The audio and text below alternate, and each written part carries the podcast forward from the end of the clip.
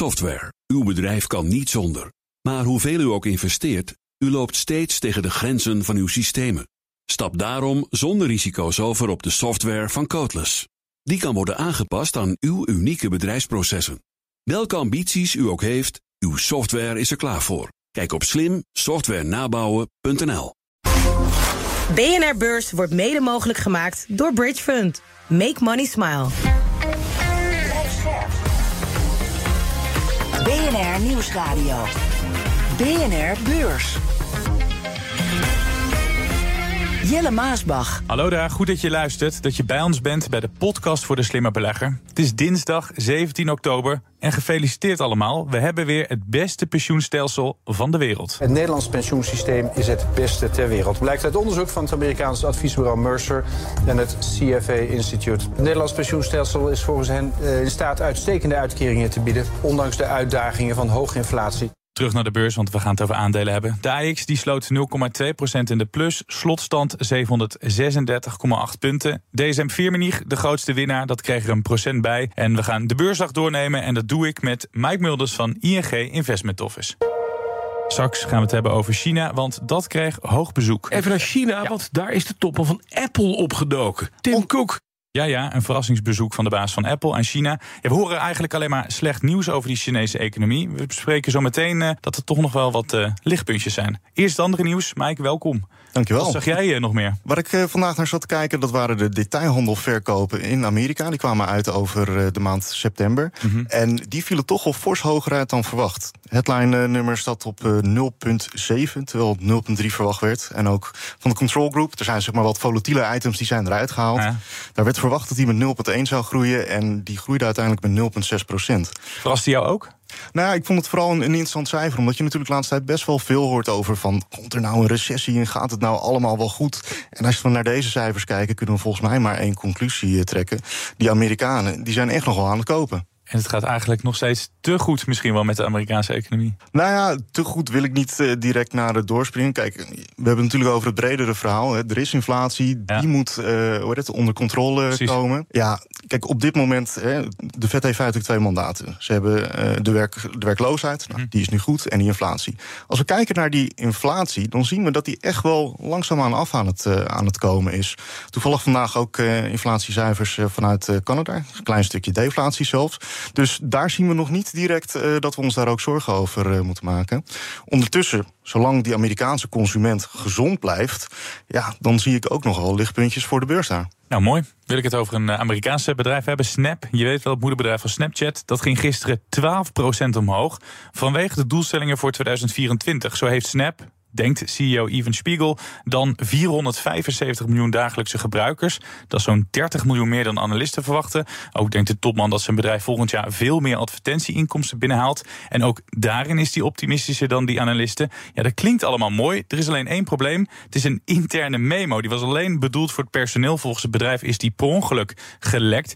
Nou, één analist van Bernstein is nu boos op Spiegel en zijn collega's. Hij zegt: stop hiermee. Houd uit liefde voor uw aandeelhouders op met het stellen van dit soort ambitieuze doelen. Het is een interne memo, maar zegt de analist, het management moet geweten hebben dat deze zou lekken. Begrijp jij dat die analist boos is? Op het moment dat je natuurlijk hele andere verwachtingen hebt over je eigen bedrijf, op het moment dat je ziet dat er iets heel goed gaat of iets heel mm -hmm. erg verandert, ja, dan kan ik me voorstellen, en volgens mij zijn daar ook regels voor, maar uh, pin me daar niet op uh, vast, dat je dat ook via een officieel kanaal naar buiten moet brengen. Ja. Kijk, wat ik hiervan gezien heb, is dat het uh, ambitieuze doelstellingen zijn. Snap gaat volgens mij ook heel erg inzetten op ja, toch een soort van premium model. Volgens mij moet dat 4 dollar per maand gaan kosten.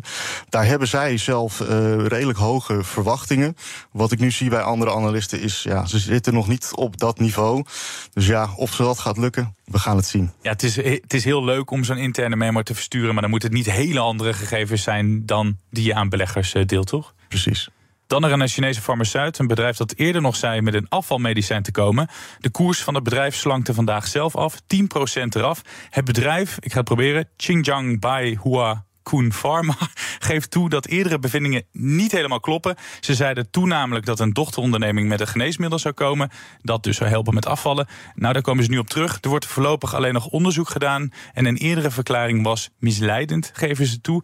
Toen dacht ik in één keer, Mike, die, die afvalmedicijnen, het lijkt bijna wel een, een hype te worden. Heel veel hè, farmaceuten zeggen dat ze daarop inzetten. Is dit het nieuwe goud? Of, of, of, of is het echt een hype? Nou ja, kijk, ik snap dat je zegt dat het een hype is. Want het is natuurlijk zeker de laatste tijd heel veel in het nieuws. Hè. Novo Nordisk die met zijn medicijnen natuurlijk hele goede resultaten uh, boekt. Ik denk wel dat als je kijkt naar de potentiële markt. Ja, weet je, overgewicht is toch wel een beetje een soort van welvaartsprobleem. Uh, Volgens mij uh, moet in 2035 is, is een schatting dat nog wel eens de helft van de wereld aan uh, obesitas kan leiden. Ja, dus dat is natuurlijk een enorme afzetmarkt voor je medicijn. Dus ja, dat daar nu meer de focus op is, dat snap ik wel. En nogmaals ook eh, recente goede resultaten van, uh, van Novo Nordisk daar. Kijk, ik denk we moeten niet te ver op, uh, op de feiten vooruit gaan lopen. Dat, dat, nee, dat medicijn, dat heeft misschien ook andere toepassingen. Ja, dan komt natuurlijk, ja, dan wordt iedereen daar nieuwsgierig naar. Gaan ze toch wat, wat meer daarin prijzen. Laten we dat niet laten we niet te hard van stapel lopen. Dat, uh, dat wil ik zeggen. Maar de potentie van die markt, en ja, het is ook wel echt gewoon een groot probleem. Ja, zegt een miljardenbusiness wordt dit. Ja, ja kijk, uh, voorheen kon je, nou ja, weet ik wat, uh, een, een ingreep laten doen. Als je nu natuurlijk met een, uh, met een prik dat probleem op kan lossen. Ja. En volgens mij ook wel gewoon een stukje goedkoper. Ja, dan biedt dat wel potentie. Sam Bankman-Fried dan, de man die terecht staat voor de grootste cryptofraude ooit. Hij wist van een miljardentekort in de boekhouding, zegt een getuige. Maar Fried die ging gewoon door met het uitgeven van geld. Sam Bankman-Fried knew about a 13 billion dollar hole in customer funds before his crypto exchange FTX collapsed. But he continued to spend money on political donations, celebrities, and pet causes. That's according to a top witness at Bankman Fried's criminal fraud trial. Heeft niks met de beurs te maken, maar even tussendoor. Volg jij deze soap? Nee, heel eerlijk. Dit is uh, voor mij een beetje gedaan en uh, neem ik voor uh, kennisgeving aan.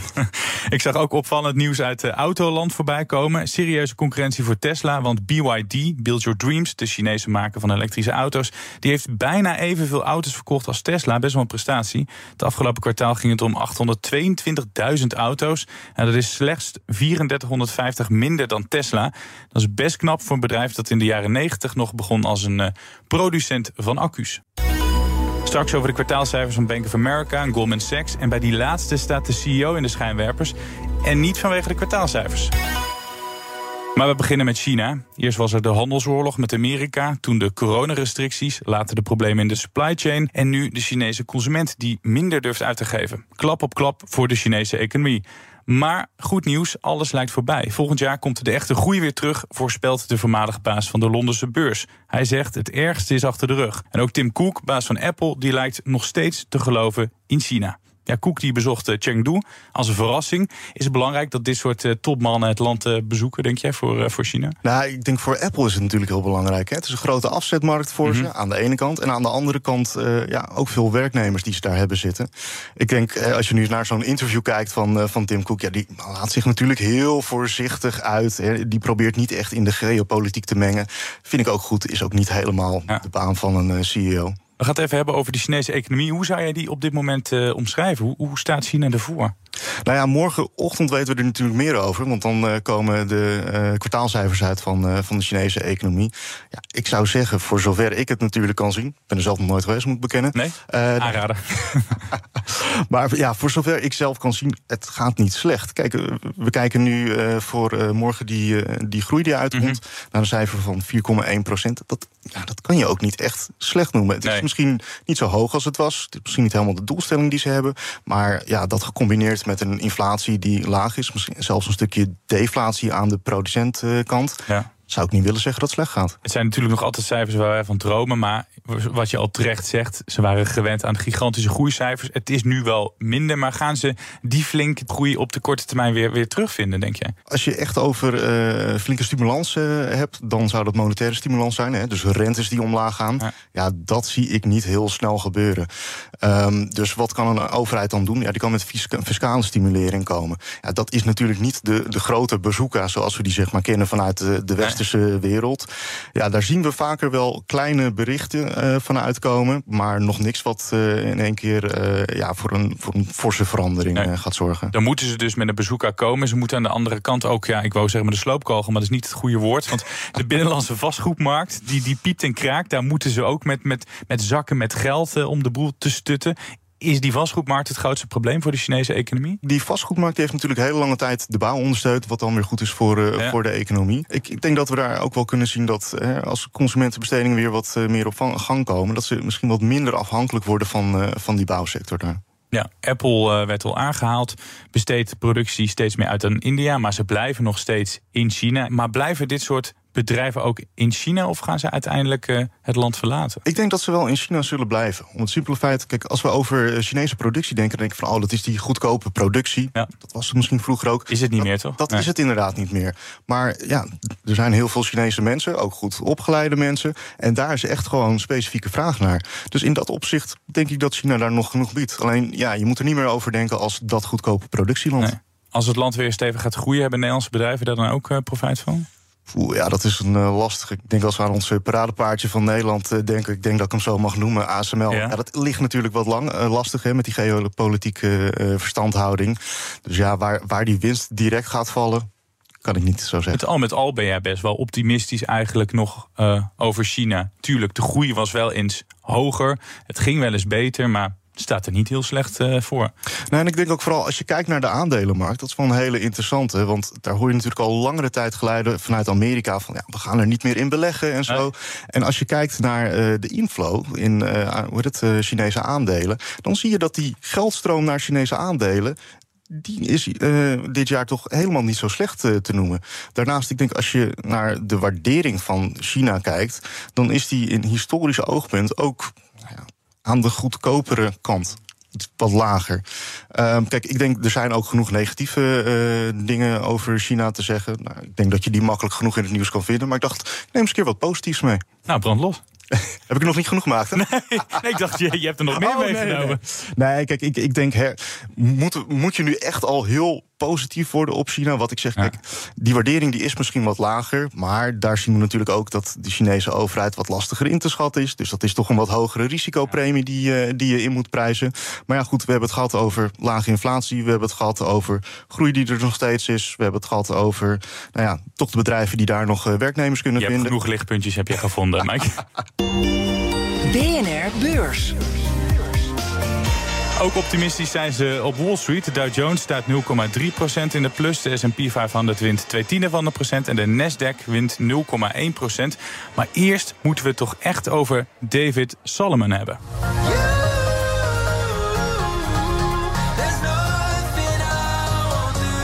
Jawel, dit is nog steeds BNR Beurs. Maar je hoort de CEO hier van Goldman Sachs. Die was na zijn werk als topman van de bank ook DJ. Maar die is ermee gestopt, al een jaar. Maar nu pas komt dat naar buiten, dat hij eh, niet meer draait. Volgens Goldman was het niet omdat het DJ een afleiding was... maar de media-aandacht voor zijn bijbaan werd een afleiding. De baas van ING die DJ't niet in zijn uh, vrije tijd, toch? Voor zover ik weet niet, nee. Serieuze zaken dan, de kwartaalcijfers uh, van Goldman. Daar zit wederom geen muziek in. In het eerste kwartaal daalde de winst. In het tweede kwartaal en nu dus ook in het uh, derde kwartaal... komt er flinke afschrijvingen op de waarde van commercieel vastgoed... en op het verkochte fintech-onderdeel. Goldman staat onveranderd. Zie jij toch nog, nog lichtpuntjes bij Goldman? Ja, lichtpuntjes zie ik zeker. Kijk, ik denk, eh, als we eerst even beginnen met ja, wat er toch wat eh, minder liep. Uh, Goldman heeft natuurlijk een kort uitstapje gemaakt naar uh, het retailbankieren. Dat is niet zo goed gelukt. Nou, dat zie je ook vandaag nog door de cijfers heen lopen. Dat daar moeten ze toch wat afschrijven. Mhm. Als we het hebben over de dingen die wel beter gaan, dan zie je allereerst de handelsinkomsten, zowel vastrentende waarden als aandelen, beter dan verwacht. Als we kijken naar de andere banken, dan zagen we die, die kracht wel in de vastrentende waardekant, maar niet bij iedereen in de aandelenkant. En ik denk ook het zakenbankieren. Voor Goldman Sachs natuurlijk ook heel belangrijk. Zeker. Ik wil niet uh, direct zeggen dat we daar echt al het herstel in gezet hebben. Maar het begint er hier en daar wel wat positief uit te zien. Met wat meer beursgangen, wat meer deals.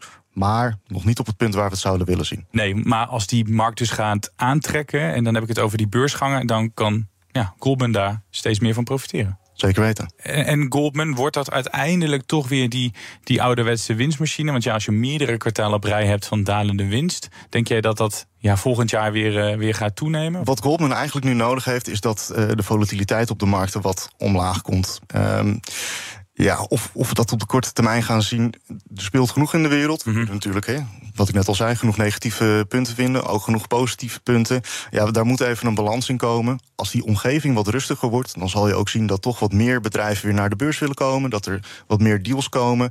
Dat is voor Goldman Sachs een hele belangrijke. Bank of America kwam dus ook met de kwartaalcijfers. Beleggers zijn wel blij. 2,8% erbij. Bank profiteert van de gestegen rentes, meer winst. Ook de omzet was uh, beter dan verwacht. Ja, is een heel ander soort bank. Maar ja, deze staat er wel goed voor, hè?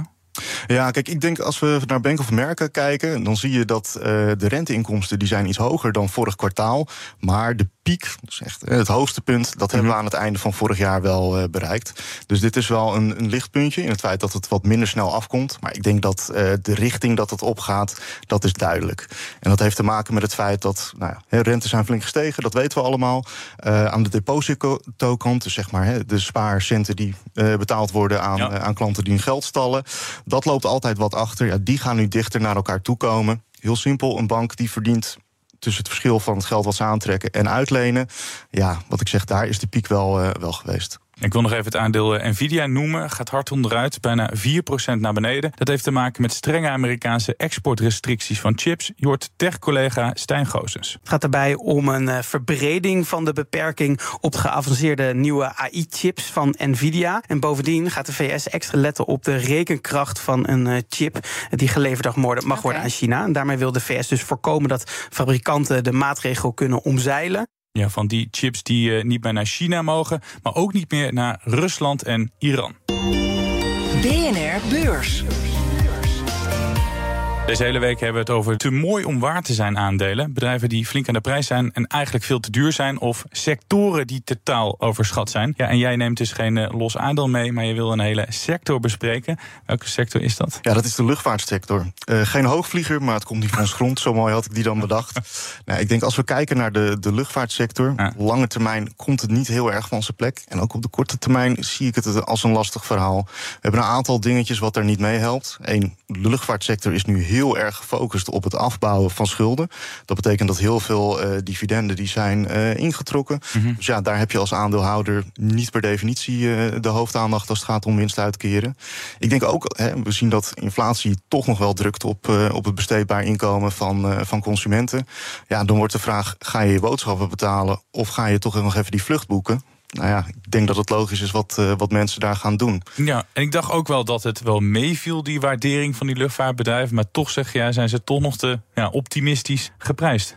Ja, ik denk als je een mooi gespreide uh, portefeuille aan het bouwen bent, dat je in de sector industrials, hè, want daar behoren ze toe, denk ja. ik dat er uh, mooiere kansen te vinden zijn waar meer groei en ook wat, wat minder risico. Kijk, er zit natuurlijk een best altijd een, een heel groot uh, niet prijzen risico bij die luchtvaartsectoren. Dat als er eens een keer iets vlug verkeerd gaat met een, een motor van een vliegtuig of dergelijke. Ja, dat is eigenlijk een, een heel lastig risico om in te prijzen. En daar word je als belegger dus niet echt voor gecompenseerd. Daardoor vind ik het minder interessant.